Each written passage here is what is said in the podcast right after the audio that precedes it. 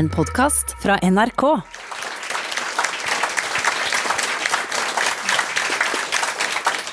Velkommen til Stavanger. Velkommen til KK Kverulantkatedralen. Og denne kvelden skal handle om eh, geopolitikk, og nærmere bestemt eh, forholdet mellom USA og Kina.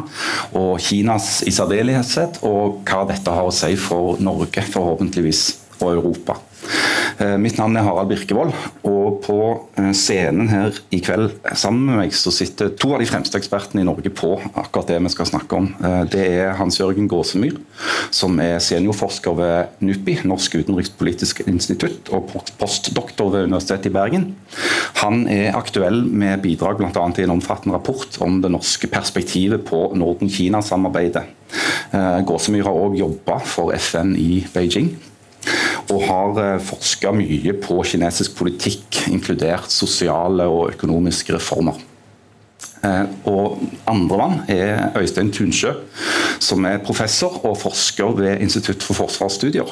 Han har eh, for to år siden utgitt en bok om framveksten av det nye bipolare systemet, som han kaller det.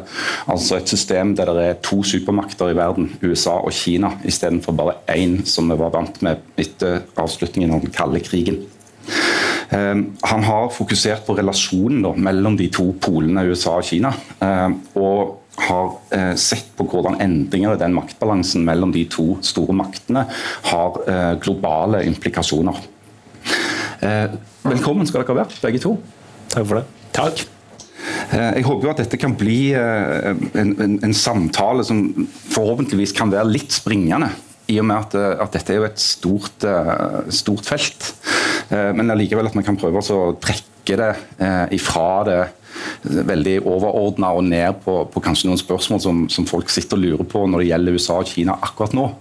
Eh, for Det er jo ikke tvil om for de som har fulgt for den amerikanske presidentvalgkampen og, og, Donald Trumps nærmeste besettelse med Kina. Vi har jo alle sett sikkert disse videoene så de har klippa sammen der han sier bare China, China, China om igjen om igjen. Og for det som skjer nå med koronaviruset som òg oppsto i Kina.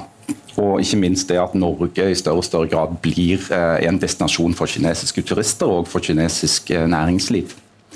Så Vi kan kanskje begynne med, med deg, eh, Tunsjø. Altså, når du lanserte uh, dette prosjektet ditt og etter hvert utvikla dette begrepet om et nytt by, bipolar verdensorden, uh, hva, hva, legger du i det? Nei, jeg, jeg legger i det at uh USA og Kina er de to mektigste statene i verden. Ehm, og Den utviklingen vi har sett eh, særlig de siste ti årene, eh, er at gapet mellom USA og Kina det minsker. Eh, Kina er ikke per i dag like mektig som USA. Men de trenger heller ikke å være like mektig for at vi skal ha et nytt bipolart system. Eh, Sovjetunionen var aldri like mektig som USA gjennom det forrige bipolare systemet. Eh, så, den, så Gapet USA og Kina minsker. Eh, og Det andre viktige utviklingsrekken er at gapet mellom Kina og resten vokser helt enormt. Så hvis jeg hadde spurt publikum her i dag hvor mange er det som vet hvor mye større Kinas økonomi er i forhold til Russland, så er det ikke alle som er klar over det. Men det er du? Jeg er det. Så du kan fortelle oss det? Så Den er nesten ti ganger så stor. Og Hadde vi hatt en gjettekonkurranse her, så er det ikke så mange som hadde gjetta seg fram til det. Eh, og Det er veldig overraskende, fordi i Norge så har vi et veldig fokus på Russland, og det er naturlig. Vi grenser til Russland. De utgjør den viktigste sikkerhetsutfordringen for Norge. Men samtidig, hvis du ser på maktforskyvningen i verden, så, så, har på en måte Kina vokst fra alle andre. Og I mange år så snakka man om BRICS-landene. Eh, og til og med om multipolaritet. Eh, vi hadde utenriksminister som snakka om multipolaritet. Men altså, den samlede BNP til Brasil, Russland, India og Sør-Afrika det er ikke halvparten av Kinas BNP engang. Sånn at eh, det har gått oss hus forbi, eh, den maktforskyvningen som har vært de siste tiårene. Og aldri før i verdenshistorien har én stat blitt så mektig på så kort tid relativt til alle andre stater, som det Kina har gjort fra 2010 til 2020. Mm. Hans-Jørgen Gåsemyr, eh, du kjenner Kina bedre enn mange, veldig mange iallfall i, i Norge. Eh, når du, du, ser på det som Tunsjø nå beskriver, eh, fremveksten av et, et, enormt mektig Kina, hvordan forklarer du det til folk når du skal, skal liksom fortelle dem om Kina? Kina har opplevd siden slutten av 70-tallet eh, en større sosioøkonomisk suksess enn det vi har sett noe annet sted til noen tid i et så stort og komplisert land som eh, Kina er. Eh, så det har vært en fenomenal vekst, en fenomenal utvikling på mange områder, som har gitt de et trykk som de i større grad har kunnet utnytte. Men Kina har også vokst fram selvfølgelig i en periode hvor de grepene Kina har tatt, har båret mange frukter. Og Det har noe med økonomiske tyngdepunkt i verden å gjøre. Globalisering, deliberalisering eller deregulering av amerikansk og andre store økonomier sin, um, sin økonomi, som Kina har dratt utrolig godt uh, nytte av. Men selv om Kina på mange vis er mektig, så er det også sårbart. Det er også et land med mange svake institusjoner og et stort apparat som spriker når det gjelder eh, kvaliteten og høyden på, på de eh, ressursene eh, de har. Og så er det spennende å hoppe inn i Øystein på en måte sin analyse av det mer geopolitiske, eller det bipolare. Og Der er det nok også et spørsmål på hvilke faktorer man legger vekt på. Om det er økonomi, om det er militære, men også om det er på en måte allianser eller hvilke partnerskap man har rundt omkring i verden. Og Der er selvfølgelig det kinesiske bildet for eksempel, veldig annerledes enn det man hadde under et sterkt Sovjetunionen, med en helt annen alliansestruktur. Så selv om multi polaritet kanskje er å, ta i i forhold til å liksom beskrive verden i dag, så er det i hvert fall flerpolart eh, per i dag. En, uh, mer enn det vil jeg si er i hvert fall uh, bipolart. Så det er jo et, eh, et spennende å høre litt mer hva Øystein tenker om liksom, tidshorisonten i det her, og hvilke type faktorer, om det er økonomi eller om det er militære, hvor langt det skal utvikle seg på en måte før man ser en mer sånn tydelig bipolare Mm. skiller.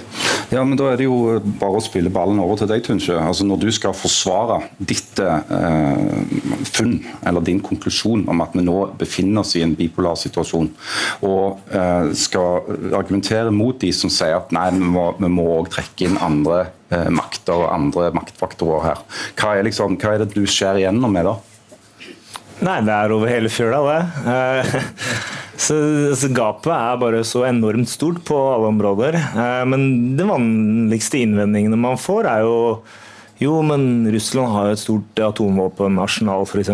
Um, for meg så, så, er det ikke sånn man definerer måte, de mektigste statene i verden ut ifra én kapasitet. Alle var enige om at når Sovjetunionen kollapsa, så var ikke Russland noen supermakt. Men Russland hadde et enormt atomvåpenarsenal på 1990-tallet. Men de ble ikke definert som en supermakt. Og man kan ikke bruke det samme atomvåpennasjonalet i dag for å definere Russland som en supermakt. Så, så, vi har bare to supermakter. At, US, at, Kina ikke har noen allianser. Altså, hele poenget med et bipolart system er jo at alliansene betyr veldig lite. Den store forskjellen mellom et bipolart system og et multipolart system, hvor du har flere, tre eller flere stormakter, det er jo at alliansen alliansene har en ganske stor betydning. Altså Allianseforholdene hadde veldig stor betydning før første verdenskrig og før andre verdenskrig. I et bipolart system så er det annerledes. Um, andre ting som brukes, er jo global styrkeproduksjonsevne, f.eks. Um, Kina har ikke det på samme måte som USA, men Sovjetunionen hadde heller aldri det. Eh, på samme måte som USA. Eh, F.eks. på 1950-tallet så hadde ikke Sovjetunionen en marine. Eh, de bygde første hangarskipet på slutten av 1970-tallet. Hvem hadde en stor marine på 1950-tallet? Storbritannia. De hadde mange hangarskipsgrupper, men var ikke definert som en supermakt. Det folk ofte blander, er bare at fordi det er flere aktører i internasjonal politikk, så skal det liksom være multipolart. men det er ikke poenget. Altså, det er ikke sånn man definerer det. Eh, så at Russland fører krig i Syria og intervenerer i Ukraina, altså det, det spiller ikke noen rolle i den sammenhengen. Eh, Kina gikk til krig i eh, Korea mot USA. Kriga i tre år, vant den krigen. Men det var ingen etter Koreakrigen som definerte Kina som en supermakt. Til tross for at de slo den mektigste supermakten på slagmarken i Koreakrigen. Altså, de pressa de fra grensa si og ned til 38. breddegrad. Derfor vant de krigen, den krigen. Men de, de, ble ikke sett på som en supermakt etterpå. Og Russland er ikke i nærheten av å føre noe sånn type krigføring i dag. Så Det som teller, er hvordan man scorer opp en rekke faktorer. Det er seks faktorer. Så jeg har tid til å bare ta de. Kjør på. Det er størrelse på landet. Det er både befolkning og geografisk størrelse. Det er naturressurser som landet besitter. Det er politisk stabilitet. Det er innovasjon, eller altså kompetanse. Teknologisk kompetanse spesielt. Det er militærmakt og det er økonomisk styrke. Seks faktorer. Du må se hvordan stater scorer på alle de seks faktorene. Og Når du ser og analyserer hvor høyt Kina og mange andre stater scorer, så sitter du igjen med to stater skårer mye høyere enn alle andre. Derfor har vi et bipolart internasjonalt system. Gåsmyr, er du slått til marken av disse argumentene og nå erklærer deg enig med Tunsjø? Nei, men det er heller ikke mitt forskningsområde. Jeg eh, gjør ikke militære studier og er heller ikke spesielt opptatt av sikkerhetspolitiske dimensjoner, selv om jeg også selvfølgelig tar det med. Uh, det som kompliserer uh, bildet, men nå vet jeg ikke hvor mye vi skal sitte og diskutere på en måte de teoretiske rammene og de seks Vi skal prøve å bevege oss videre, jeg kan forsikre deg om det. Men det er også sånn at økonomisk så er selvfølgelig også både Kina og andre land, og ikke minst USA, også veldig sammenvevd. Ikke minst i Asia, på kryss og tvers. Eh, med ganske store dimensjoner når det gjelder hvilke aktører som leverer hvilke verdier inn i hvilke eh, kjeder. Og Det er også mye av grunnen til uh, at Kina også vil jeg påstå, har prøvd å strukke seg veldig, veldig, veldig, veldig langt når det gjelder å komme USA i møte for å få til en slags løsning på den såkalte handelskrigen, eller i hvert fall konflikten. Sånn at du har en veldig tett sammenvevd økonomi i Kina, som både inkluderer land som på en måte har et større fellesskap med Kina, men også land som er sterkt knytta til USA, i hvert fall fram til nå. Eh, og så har du også et sterkt på en måte Kina når det gjelder økonomisk tyngde i forhold til mange europeiske land. Eh, ikke minst til USA, selvfølgelig, og også spredt rundt i, i hele verden. Så Sånn sett så er Kina. og Det er jo no, mye av strategien og, og på en måte grunnen til at de også har lykkes fram til i dag, at de, de, sprer seg, og at de både diversifiserer på en måte ressurstilgangen sin, men også um, hvordan de utvikler økonomien, og hvordan um, en annen type eksportnæring enn det vi ser i dag, som jeg også vil påstå er hoved på en måte bakgrunn for den kolossale satsinger på infrastruktur og, og, og belte av vei, også knytter Kina opp i veldig eh, mange land, som kompliserer da bildet mellom de to eh, store. Selv om jeg også selvfølgelig er enig i at USA og Kina i dag, som to land, selvfølgelig eh, står over ressurser. Eh, Kina med, med, folk og en voksende økonomi, eh, og USA selvfølgelig med et eh, suverent eh, militære, og fram til nå en, en ledende teknologi, eh, selvfølgelig har helt andre ressurser enn noe annet land mm. i verden, som er på tredje, eller fjerde eller femteplass. Mm. Når det gjelder dette med, med, allianser, så er jo det en av tingene som går rett inn i, i, i norske forhold. Uh, og, og, noe som har opptatt uh, det norske utenrikspolitiske miljøet, særlig siden Donald Trump uh, tiltrådte som president i USA, og ganske umiddelbart begynte å utfordre Nato. Eh, både når det gjaldt Nato-medlemmene sine bidrag eh, økonomisk eh, inn i Nato og til eget styrking av eget forsvar, men òg uttalelser som, som, kunne tyde på at Trump tvilte på NATO sin eksistensberettigelse.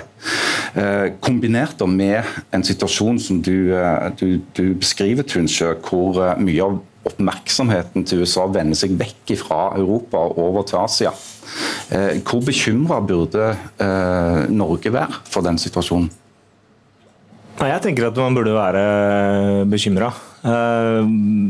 Sånn, I forhold til alt mulig annet så er det litt sånn vanskelig å si. Skal vi være mer bekymra over det enn terrorisme, eller mer bekymra over det enn andre ting? Men det er to ting som er viktige der.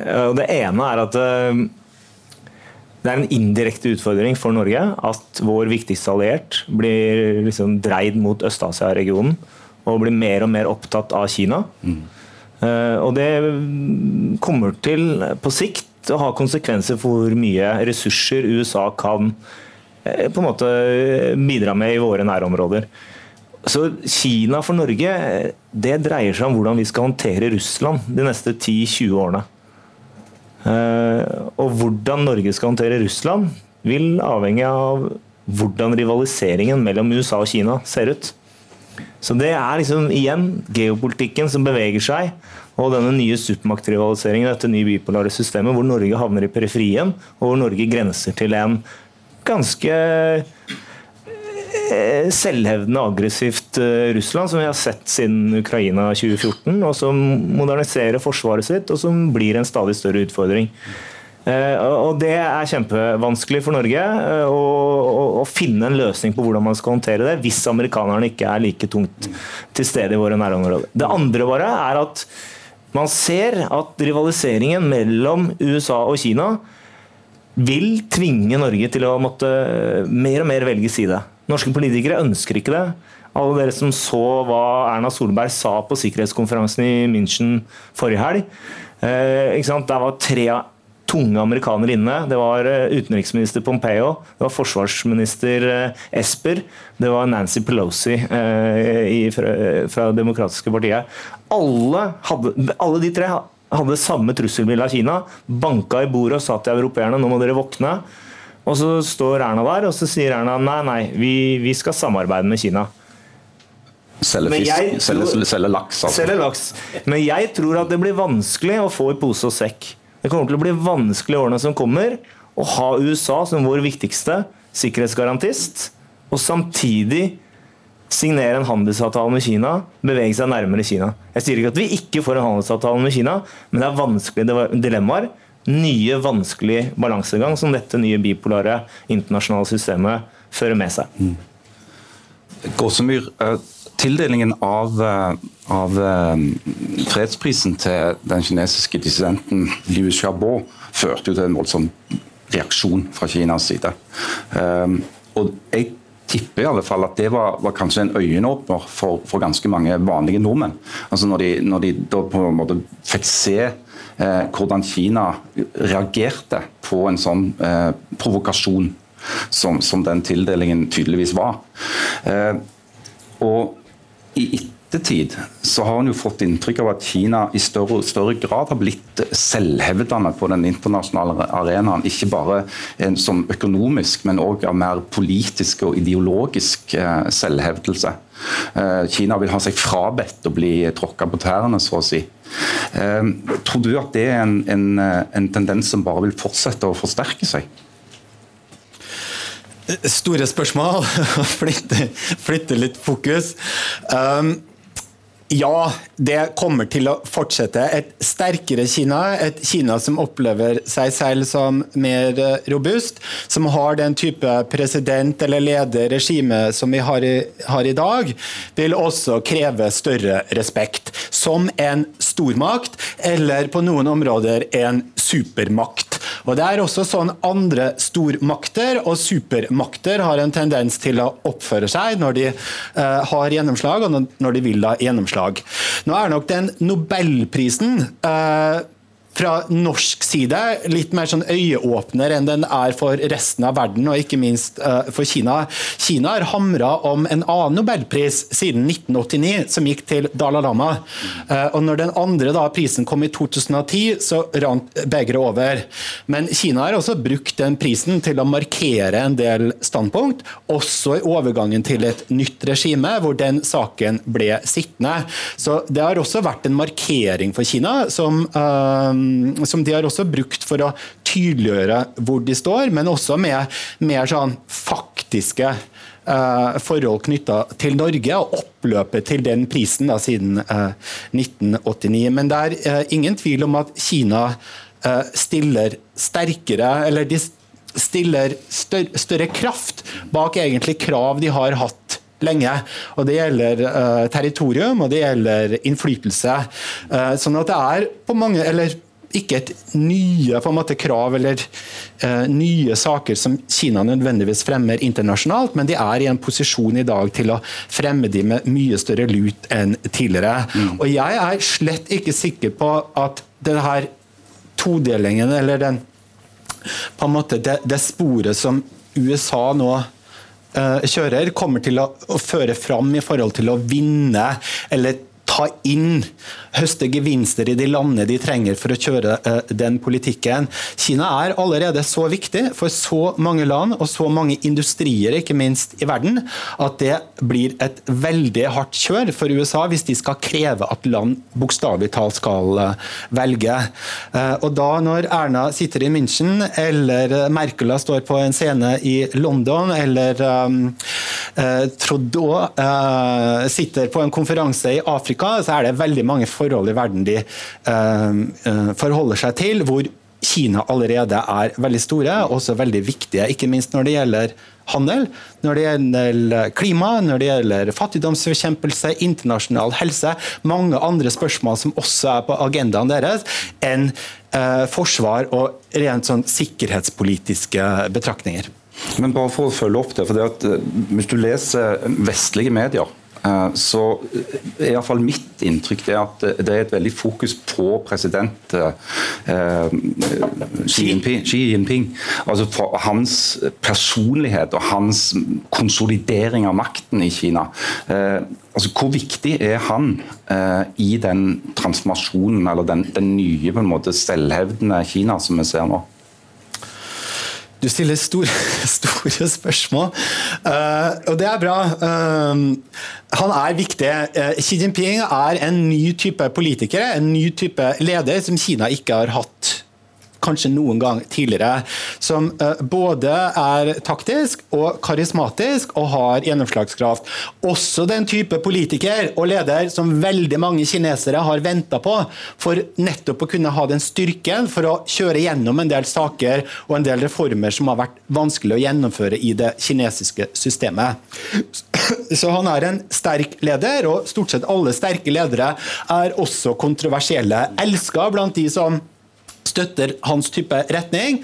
Eh, mislikt blant de som ikke støtter han. Men jeg vil òg hevde at det er sterkt overdrevet hvor dominerende han er, og også hvor eh, diktatorisk eller på en måte hvor totalitær den lederrollen er. Xi Jinping er avhengig hver eneste dag på jobben av en aktiv støtte bredt ute i det kinesiske partiet, eh, kommunistpartiet og ute i det kinesiske myndighetsapparatet. Så ja, han er mektig og dominerende, men han kjører også et spor som veldig mange kinesere støtter opp om. Mm. Tunsjø, eh, når, når, du eh, trekker opp denne her nye bipolariteten, hva er det som skiller den fra den forrige? Altså, den, den som vi som vokste opp under, så si, under den kalde krigen var vant til. Altså Forholdet mellom USA og Nato på den ene siden og, og Sovjetunionen og Warszawapakten på den andre. Nei, det er Nesten alle ting skiller deg. Og jeg har jo liksom fremhevet geopolitikken fordi jeg tror det er det viktigste. Eh, men det er jo mange andre ting. Eh, Hans Jørgen har vært inne på dette med gjensidig økonomisk avhengighet, som er helt forskjellig. Uh, ideologiske rivaliseringen er annerledes. den store forskjellen der går på at Sovjetunionen ønsket på en måte å uh, å eksportere kommunistisk ideologi og, og støtte revolusjoner rundt omkring. Uh, vi skal ikke glemme at eh, starten av det forrige bipolare systemet så, så var kommunistene i, i, regjeringsposisjon i land som Frankrike, Italia osv. Det er klart at det, det, skapte en frykt i, i, Vesten for at Sovjetunionen skulle vinne frem. Den har vi ikke i dag. altså Kina eksporterer ikke ideologi på samme måte institusjonene vi har i dag, er ulike enn hva vi hadde på 1950-tallet. Eh, så det er, det, er, det er, veldig mange forskjeller. Men igjen, da, hvis vi hadde gått gjennom de samme tingene og igjen, Hans Jørgen har vært inne på det. Gjensidig økonomisk avhengighet. Jeg tror Vi nå, vi er i startgropa. Det forrige bipolarsystemet varte i 40 år. Hvis vi tenker de neste tiårene nå, så tror jeg vi vil se en reversering av den globaliseringstendensen vi har hatt de siste 30 årene.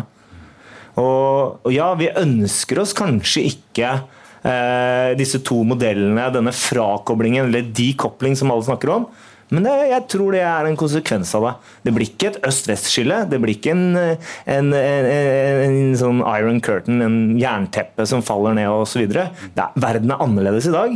Men at vi beveger oss i en mer polariserende, eh, en mer todelt eh, verden, det, det er jeg ganske sikker på. Økonomisk. Ideologisk vil du se det samme. Jeg kan ta et veddemål med alle som er her. Eh, om 10 år, om 20 år Får vi mer ideologisk rivalisering? Ja, Den blir ikke den samme som den kalde krigen, men du kommer til å se en blokk med land som faller på en måte innunder Kinas autoritære lederskap, som følger Kinas vekstmodell, som følger Kinas eh, teknologi når det kommer til overvåkning, sensur, kontrollere befolkningen, ansiktsgjenkjenning. Alt som Kina bygger opp innenrikspolitisk i dag, eksporteres i tillegg så kommer de med lån og investeringer, så du blir økonomisk avhengig av Kina. Og så I tillegg så får du diplomatisk støtte, politisk støtte og militær støtte.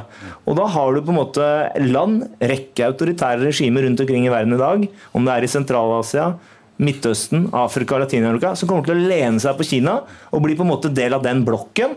Og så får du en ny president i USA, kommer til å gå på talerstolen og si USA er tilbake vi er lederen i kampen mot autoritære Kina. Vi er demokratiske USA, vi er den frie verden. Og så kommer du til å prøve å samle USAs tradisjonelle allierte bak det. Se mellom fingrene på handelsunderskuddet mellom USA og Japan og USA og Tyskland, og bare tromme sammen allierte for å demme opp for Kina. Mm. Eh, og det, det, vil ikke bli akkurat det samme, men man beveger seg igjen i den retningen, vil jeg tro. Så, så selv om du sier at Kina ikke eksporterer ideologi per se, så gjør de det på en måte likevel, ja. men men, litt andre midler. Ja, med det 21. århundres karaktertrekk. Altså, mm. Den kalde krigen var et karakteristisk av det bipolare systemet i det 20. århundret, med de to supermaktene USA og Sovjetunionen. Det nye bipolare systemet vil ikke bli det et nytt kald krig. Det vil bli noe nytt. og Førstemann til å finne opp hva det skal hete, fordi man trenger noe som fanger deg, og som er catchy. Det er ikke kald krig, men det er noe, det er noe der. Så, så, men, men liksom at det blir disse supermaktene, at det blir mer polariserende Jeg nevnte ikke institusjoner, men hva ser vi i dag? Vi har ulike institusjoner. Ja, det er ulikt. Men hva ser du i WTO? Hva ser du i FN? Jo, du ser en mer polarisering. Det blir mer handlingsramma som følge av supermaktrivaliseringen mellom USA og Kina. Og om 10 år, om 20 år, så tror jeg den trenden bare forsterkes. Mm. Uh, ja, vi skal i hvert fall møtes om 10 og 20 år. Nå husker jeg ikke veddemålet, men jeg stiller gjerne Om det går i den retningen? det er to ting. Uh, når det gjelder Jeg vil ikke kalle det ideologi, men interessefellesskap, eh, så er det allerede uh, tydelige tegn eller tydelige indikatorer på at en del felt så har Kina støtte. Og Det er først og fremst fordi Kina er stor og gjør seg mer gjeldende. Det gjelder i mange organisasjoner, resolusjoner, uttalelser. Eh, men det går også på kryss og tvers av handelsforbindelser, og er økonomiske relasjoner. Og Kinas økonomiske tyngdepunkt ligger i Asia. På kryss og tvers av land som har ufattelig ulike politiske systemer. Europa og USA er per i dag det kan endre seg. Veldig viktig for kinesisk økonomisk utvikling. Mens de her mer tradisjonelle utviklingslandene rundt omkring i verden, hvor også Kina investerer og utvikler og gir bistand, er viktig mer for politisk backing. De kan selvfølgelig bli økonomisk viktigere hvis de fortsetter å vokse, men det er jo gitt at de da nettopp fortsetter uh, å vokse. Uh, så på et sånn interessefellesskapssted så tror jeg nok vi ser allerede at en del land ikke nødvendigvis erklærer støtte til uh, Kina, men at de uh, uttrykker misnøye, og større og større misnøye med en dominans av de her landene som har dominert WTO og Sikkerhetsrådet og FN og um, uh, Verdensbanken og IMF. Og der er det selvfølgelig mange som heier på Kina og på India og på andre land for å ta en større, uh, større rolle. Men hvordan land etter hvert på en måte vil vurdere sine interesser, om Kina er stor nok til at de går i den retningen, eller om de vil søke et større fellesskap med USA eller med Europa, det syns jeg er Uh, helt umulig for meg rett og slett uh, å spå. Den type som framtidsutsikter har jeg ikke. Og så er det jo også et poeng da, at uh, mange land, inkludert USA, sant, har i dag en politikk som er veldig annerledes når det gjelder verdier grunnleggende politiske verdier, grunnleggende um, holdninger knytta til uh, rettssystem, knytta til prosesser. Uh, og Det gjelder ikke hele USA, for all del, men det er selvfølgelig knytta til det regimet som sitter der i dag. Men du har også land i Europa som beveger seg i en ganske annerledes retning, i hvert fall de siste ti åra, enn det på en måte som har vært grunnleggende europeiske verdier. Og det er ikke, og overhodet ikke, pga. Kina. Det er en type utvikling hvor Kina spiller veldig liten rolle. Så det er også land som uh, Det er veldig lett på en måte å trekke forbindelsen mellom kinesiske investeringer og kinesiske på en måte bidrag og land som krysser av og erklærer støtte til Kina. Hvis du ser på Kinas økonomiske tyngde, ser på deres bistandspakker, ser på hvilke land de engasjerer seg i, så er det absolutt alle typer land, inkludert Norge. Det er ikke sånn at de er på en jakt etter land som uh, nødvendigvis skal støtte de, eller som skal uh, backe opp et slags sånn ideologisk eller uh, interessefellesskap. Det er mer skapt av en Eh, amerikansk eh, reaksjon, og også kanskje en slags forventning av at um, verden skal dele seg. Mm. Ja, og Vi er jo enige om at en, en hovedforskjell på Sovjetunionen eh, og, og, Kina det er jo at Norge grenser mot eh, da, dagens Russland. Eh, men så har jo noen òg bekymra seg over om det òg kan bli en, en, si, en, territoriell konflikt mellom Norge og Kina i, i Arktis. Eh, med, med, tanke på potensialet for åpningen av nye handelsruter etter hvert som isen smelter. Og eh, Kinas, Kinas eh, selvhevdelse i de arktiske områdene. Tunsjø, hvor realistisk er et sånt scenario? Ikke så veldig. Mm. Jeg, jeg, har ikke tro på at du får en territoriell konflikt mellom Norge og Kina i Arktis. Uh, det vi har sett uh, foreløpig, er i hvert fall at Kina har eh, blitt observatør i Arktisk råd. Og ved å bli det, så har man jo akseptert kyststatenes rettigheter. Så kan man si at det her kan jo Kina gå bort fra når som helst. Og det kan de selvfølgelig. Det er jo bare cheap talk i en sånn realpolitisk sammenheng. Men, men hele poenget er jo at Kina har ikke kapasiteter, selv om de vokser fram, til å på en måte begynne å utfordre eh, kyststatene i Arktis eh, knyttet til, eh, til ressursene der. sånn. Russland for eksempel, er jo en dominerende makt i Arktis, og de er ikke interessert i at Kina skal på en måte komme der og, og hevde noe som helst. Um, så selv om det, forholdet mellom Kina og Russland um, vokser seg sterkere og sterkere, tettere strategisk partnerskap, så er ikke russerne tror jeg, interessert i å åpne for at Kina skal få et fotfeste i Arktis. F.eks.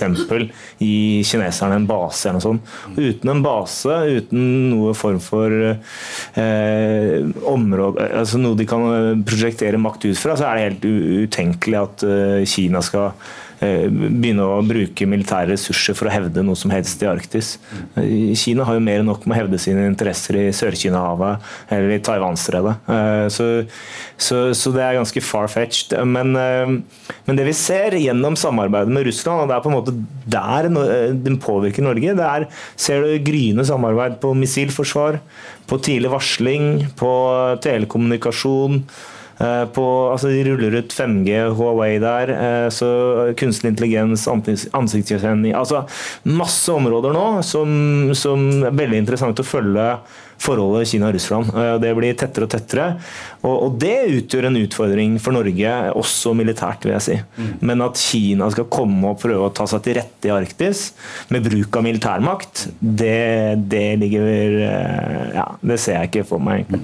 Så du, du holder kanskje for mer sannsynlig at det, det strategiske samarbeidet mellom Russland og Kina vil bidra, kunne bidra til å opprettholde det russiske systemet? Ja, altså Det samarbeidet kan på en måte føre til at både Kina og Russland får bedre militære kapasiteter. Ja. Og det utgjør en trussel for Norge, hvis, hvis man kommer så langt. Men, men, det er klart, eh, Arktis er et sårbart område. Eh, Grønland f.eks. er liksom sårbart for ganske relativt sett små kinesiske investeringer. Svalbard er selvfølgelig veldig sårbart om kineserne skulle begynne å bråke om den eh, forskningsstasjonen de har i Ny-Ålesund. Men jeg mener at dette er ting som Norge kan håndtere. Norge har håndtert eh, Svalbardtraktaten siden 1920, i 100 år. Og vi har stått overfor langt større utfordringer enn det Kina utgjør i dag. F.eks. Sovjetunionen på grensa til Norge med en enorm militærmakt under den kalde krigen, som legger press på Norge i alle spørsmål knytta til Svalbard, Bjørnøya, eh, altså hele Barentshavet. Og Norge håndterte det. Og da tenker jeg, Hvorfor skal ikke Norge håndtere Kina?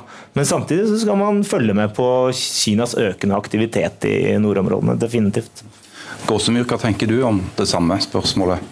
Det samme store spørsmålet. Store spørsmålet. Uh, jeg tenker Når det gjelder Arktis, og spesielt uh, Russland så, eller hvis, hvis, man ser det som har vært Kinas situasjon um, de siste si, 30-20 åra, eh, så har de hatt et nærområde som har vært prega av, eh, av um, amerikansk nærvær når det gjelder uh, allianser og, militære utplasseringer. Men de har også hatt anledning til å spille ball med stort sett hele verden, med unntak av noen få stater som har fortsatt å spille fotball eller cricket med Taiwan. Så Kina har på en måte utvikla aktiviteten sin over hele verden. Og de har også slik jeg oppfatter det, også fått anledning til å spenne om seg i et område som tidligere har vært Sovjetunionens eller Russlands eh, domene. Og Det gjelder Sentral-Asia, og da er vi også inne i de arktis, arktiske områder, hvor eh, Kina lenge har på en måte vært bremsa av det som har vært russisk skepsis eller russisk misnøye, også inn i prosessene med å få uh, Kina inn i Arktisk råd, f.eks. Uh, sånn at når det gjelder forholdet til Russland, slik jeg ser det, så er det først og fremst Kina har alt å vinne. De kan fortsette å utvikle relasjonen både til Russland og strategisk samarbeid, men også med land som Russland tradisjonelt sett har hatt et tettere samarbeid til. Så spørsmålet mitt der, og jeg er ikke noe Russland-kjenner, er når det eventuelt går en grense for Russland i forhold til å slippe eh, Kina til, og når den grensen da eventuelt nå, som Kina allerede er så viktig for dem, og det er det kanskje allerede i dag, at det på en måte ikke er noen uh, vei tilbake. Mm. Uh, men da er vi også inne i det som er liksom liksom det grunnleggende eh, eh, synet mitt eh, på verden, som ikke er mer dominert av, av militære enn en andre forhold, kan du si. Det er 20% av verdens befolkning. og da og Det er også et land som har interesser knytta til Arktis, som er helt legitime. Og Da er det også et spørsmål om hvilken type tilstedeværelse som vi ser på som helt ordinær, god økonomisk aktivitet, og hva vi ser på som en trussel og en risiko. Og Det kommer også litt an på hvilke øyne som ser, og hva man knytter det til. Mm. Uh, dette kinesiske økonomiske mirakelet som, vi har liksom satt litt på avstand og, og betrakta, altså som har skapt en, en, middelklasse bestående av mange hundre millioner mennesker. Enkelte har jo hevda at, at, veien videre for Kina uh, er å på en måte holde den middelklassen fornøyd. Eh, og sørge for at de fortsatt er bekvemme med å bo i et eh, diktatur eh, så lenge det er økonomisk framgang. Og Enkelte har jo sett denne ideen og denne, dette store buzzworden som har kommet om, om disse, kinese, disse, nye silkeveiene, som et ledd i forsøket fra kinesiske ledelsen på å eh, sørge for å gjøre Kina om til et, et konsumentsamfunn, ikke bare et produsentsamfunn. Eh, og Vi er nesten nødt til å snakke litt om disse silkeveiene. for det, Jeg tror det er mange som har hørt begrepet, men ikke helt skjønner hva det egentlig betyr. Noen som har lyst til å gjøre et forsøk på å forklare hva de nye silkeveiene er? Hans Jørgen kan sikkert uh, få lov til å begynne. Så jeg kan begynne, så kan du hoppe inn når det blir Nei, Han som er mer Kina-ekspert enn meg. Så. Det er eh, Belte og vei, eller Silkeveiene, er først og fremst en fortsettelse av den type aktivitet som Kina har hatt tidligere. De fleste prosjektene som er inne i det belte og vei- og silkeveiprosjektet, har vært der i mange år. Lenge før vi starta å dyrke det begrepet, eller hoppa på den kinesiske promoteringa av det. Det handler først og fremst om to ting. Det handler om utnytte kinesiske kapasiteter. Eh, overkapasitet på en del områder. Veldig sterke aktører på en del, ikke minst når det gjelder mange typer infrastrukturbygging, som kan det og er effektive på det. Eh, og det handler også om å knytte eller lage bedre handelsveier for produkter frem og tilbake fram og tilbake fra Kina, men med det også knytte andre land tettere opp i, eller lage en mer sånn praktisk viktig relasjon til uh, Kina. Og så har Kina, fordi det er litt sånn uh, catchy, og de har en veldig um, um, kraftfull uh, president og lederskap, dyrka det her som en litt sånn stor paraply over det store utenrikspolitiske uh, prosjektet. Som har gått da fra å være en del prosjekter i mange land til å dekke en masse aktiviteter og land over bokstavelig talt hele, hele kloden. Eh, så, eh, så Beltavei og Silkeveien kan du i dag eh, redusere til prosjekter og investeringer, eller du kan, hvis du vil, hause det opp til å være liksom hele Kinas um, utenrikspolitiske uh, strategi. Men det handler om å utnytte kinesiske kapasiteter, uh, styrke forbindelsen til uh, land som vil handle og samhandle med Kina, og lage bedre måte, institusjoner knytta til det som er er um, uh, det kinesiske, eller de kinesiske maktsentrumene. Mm. Uh, så det er egentlig uh, hovedsakelig en videreføring og en ekspansjon av, av, aktivitet du også ville sett om noen ikke hadde kommet opp med det her um, catchy slagordet. Tunsjø, du har jo for så vidt allerede vært inne på det, men altså denne her projiseringen av kinesisk økonomisk makt Eh, den, den, ble veldig tydelig for meg. For, for lenge siden så var jeg i Filippinene. Som, som, lenge var en slags amerikansk klientstat i Sørøst-Asia. Eh, hvor det er enorme kinesiske investeringer nå. Eh, særlig infrastruktur av type havneanlegg, industrianlegg. Men òg altså et stort kinesisk næringsliv som er på vei inn i særlig Manila, hovedstadsområdet. Hva slags sikkerhetspolitiske implikasjoner er det som, som er, kommer som en direkte konsekvens av at Kina hevder seg sin makt på den måten? Nei, altså Kort fortalt på det, så er det klart at jo mer avhengig du blir av Kina, jo vanskeligere blir det å si nei til Kina. Og det har sikkerhetspolitiske implikasjoner. Det vi ser i hele Øst-Asia-regionen, er jo at alle landene har Kina som sin viktigste handelspartner. Og da blir det også vanskelig å si nei. Ehm, så f.eks. Sør-Korea, som er en tett alliert av USA, må på en måte hele tiden ta hensyn til at de har tette og, og sterk bilateral handel med, med, Kina. Eh, både at det kinesiske markedet er viktig for sørkoreanske bedrifter, og at Kina investerer i Sør-Korea. Så, så Japan f.eks. er i en litt annen posisjon, men de også er avhengig av handelen med, med, med Kina. Med Filippinene nå nylig har jo da Duterte svingt igjen. Eh, fordi For et par år siden så, så sa han jo absolutt eh, nei til USA, men så dreide det litt tilbake igjen uh, positivt til USA, og nå er det litt mer over til Kina igjen. Så så her, her, svinger det litt, men, men, det er helt klart at eh, det at eh, alle disse landene i regionen får Kina som sin viktigste handelspartner, er noe, noe som også gir Kina sikkerhetspolitisk gevinst. Um, Eh, Australia har også viktige handelsforbindelser med Kina, men langt unna, og en tradisjonell alliert av USA som ikke har helt dreid ennå. Men Malaysia, Thailand, Singapore liksom Man ser den samme utviklingen. Jeg vil bare legge til, bare for å jeg er helt enig i det du sa om Silkeveisprosjektene. Altså, det med overkapasitet er viktig å forstå. Altså, du var jo inne på det, at man eksporterer overkapasitet. Man, man ønsker å endre vekstmodellen i Kina fra investeringer i infrastruktur, tungindustri, være det produsentlandet, til å basere økonomiske veksten på servicenæring og konsumdrevet vekst.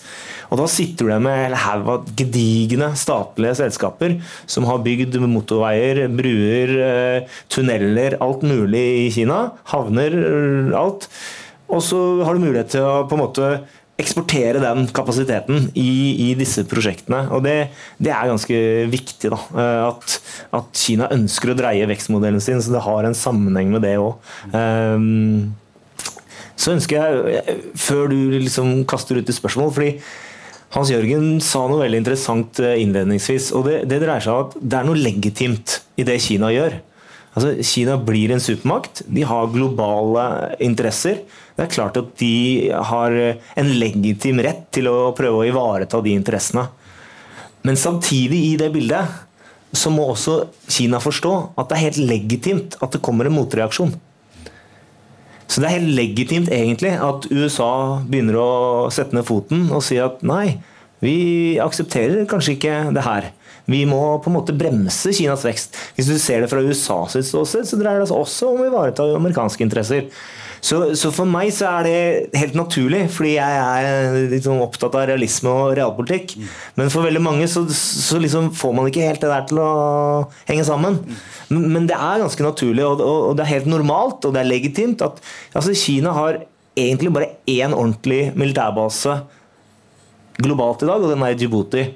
Eh, er det legitimt for en supermakt med globale ambisjoner? Amerikanerne har enormt mange baser rundt omkring. Selvfølgelig er det naturlig at Kina i årene som kommer vil få flere og flere baser, hvis de ønsker det. Eh, men det er også naturlig at Kina må møte på at det blir en motmakt. At eh, den andre supermakten prøver å demme opp for den utviklingen. Ja, klart. Men her på berget har vi jo stadig vekk, eh, altså ser du stadig vekk repetisjoner av omtrent den samme øvelsen. Eh, norske myndigheter skal være i en eller annen form for interaksjon med Kina. Og så får norske myndigheter eh, fra eh, kommentariatet beskjed om at de må eh, ta opp Eh, problematiske sider ved Kinas politikk i Tibet, eller mot uiguren-minoriteten, eller bare sånn generelt at de er et, eh, et kommunistisk diktatur. Eh, og så har Erna Solberg eksempel, først og fremst lyst til å selge mer laks. Og, og, og sånn går dagene. Men Altså, du tar jo på en måte til orde for at vi må behandle Kina som en supermakt. Betyr det òg at Kina på, på, sett og vis kan unndra seg kritikk Eh, som går på det rent eh, ideologiske menneskehetsbrudd og disse tingene? Nei, det, det, tror jeg ikke. Men, men, jeg tror at kostnaden med det er større. Eh, det koster mer i dag å, å kritisere Kina enn det gjorde for 10-20 år siden.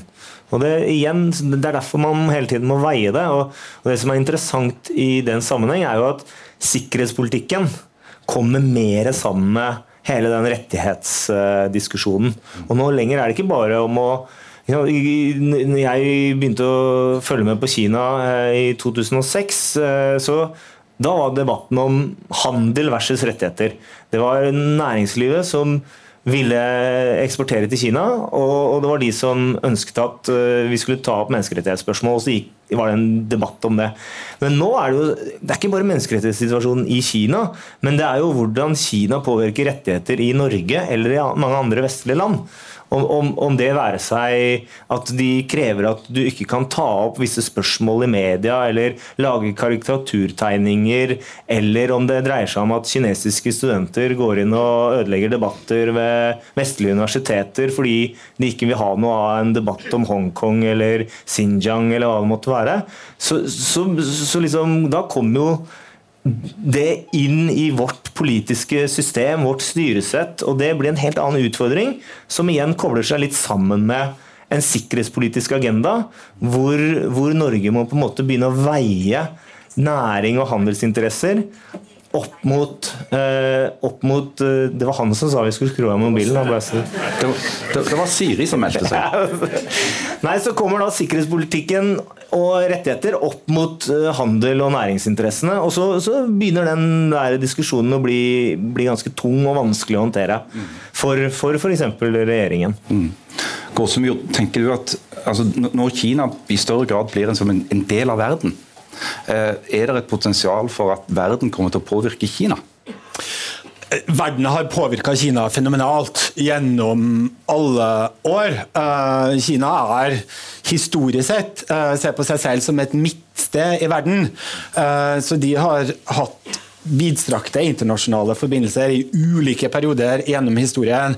Og så er, for å svare på det spørsmålet, men også knytte det til det når Øystein sier, så er jeg også helt Uh, egentlig helt enig, i hvert fall grunnleggende uh, enig. Det er helt naturlig på den ene sida at Kina bykser fram og blir mer til stede politisk. Det finnes per i dag ikke en eneste stor internasjonal organisasjon med hovedsete i Kina, bortsett fra de institusjonene de har laga seg selv.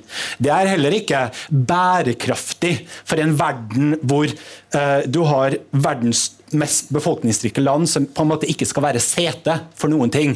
Det går ikke. Uh, men selvfølgelig så er det helt naturlig, eller i hvert fall helt om det er menneskelig eller uh, geopolitisk selvsagt, at uh, verden som føler seg da trykka eller utfordra, svarer.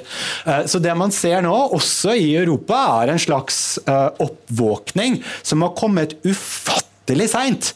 Kina har vært store i veldig mange år.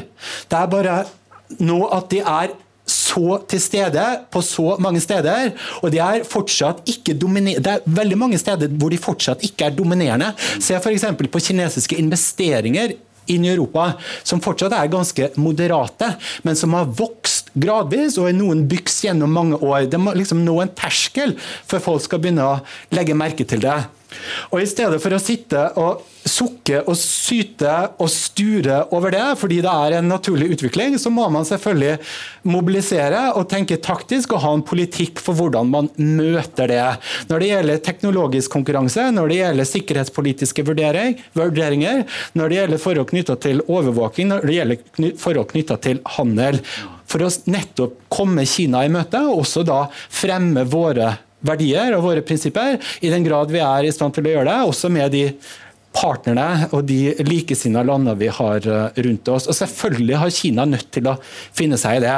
Og så er det sånn at Kina gjennom sin vekst og utvikling, og vi er liksom veldig oppmerksomme på det i Norge, for vi har opplevd denne Nobelkonflikten, men det har vært en gradvis utvikling også i USA av hvordan man håndterer en del av de på en måte mest sensitive eller de mest kontroversielle sakene, nettopp fordi Kina har større tyngde til å til å stille krav, og ikke finne seg i all den type oppførsel som var uh, tidligere. Og Det har vært ganske gradvis, og det gjelder alle land.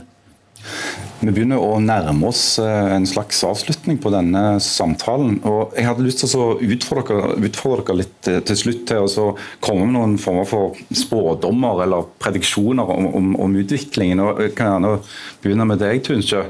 Eh, altså når, du, når, du, ser på dette som du beskriver, da, et, et nytt bypopulært eh, system som kommer til å prege kanskje det 21. århundre eh, i lang tid.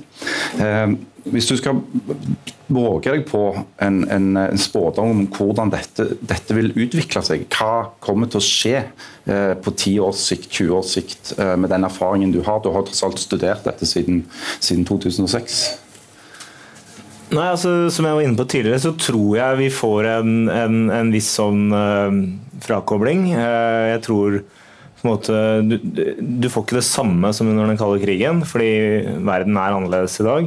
Så det, det blir ikke slutt på, på handel og, og, og globalisering. Men, men, men, den type verden vi har sett de siste 30 årene, hvor dette har vokst fram, den tror jeg vil reverseres. Og, og, du vil se det spille over på ideologi, på økonomi, teknologi, på alle områder. Um, og så har jeg en spådom da, i, i, i, min teori. Altså En teori er jo en prediksjon om framtiden med en forklaring. Eh, og min prediksjon er at det kommer til å da bli en konflikt, en, et sjøslag hvis du vil kalle det det. Så tenker man er det så veldig farlig? Ja, det er veldig farlig. Fordi det, det kommer til å lamme hele verdensøkonomien. Eh, syv av de ti største havnene i verden er i Kina. Og, og i dette sjøslaget, om det er i, over Taiwan eller om det er i Sør-Kina-havet eller hva det måtte være, så dreier det seg i bunn og grunn om maktbalansen i Øst-Asia. Og det dreier seg om USA vil tillate Kina å bli dominerende i den regionen eller ikke. Man kunne sett for seg at USA trakk seg tilbake, men jeg tror ikke det ligger i USAs DNA. Jeg tror vi får en konfrontasjon hvis vi tenker 30-40 år eh, framover. Gåsemyr, helt kort, eh, tror du at Kina vil utvikle seg i mer demokratisk retning? På veldig lang sikt er det umulig å vite. Det er ingen tegn i dag på at det er verken noe som toppolitikerne i Kina vurderer. Det er heller ikke, vil jeg påstå, et folkekrav blant den jevne kineser om å dyrke det fram. Eh, om 50 år, om 30 år, om 100 år, det aner jeg ikke. Mm. Da sier jeg tusen takk til dere to for denne samtalen, eh, Øystein Tunsjø og Hans Jørgen Gåsemyr.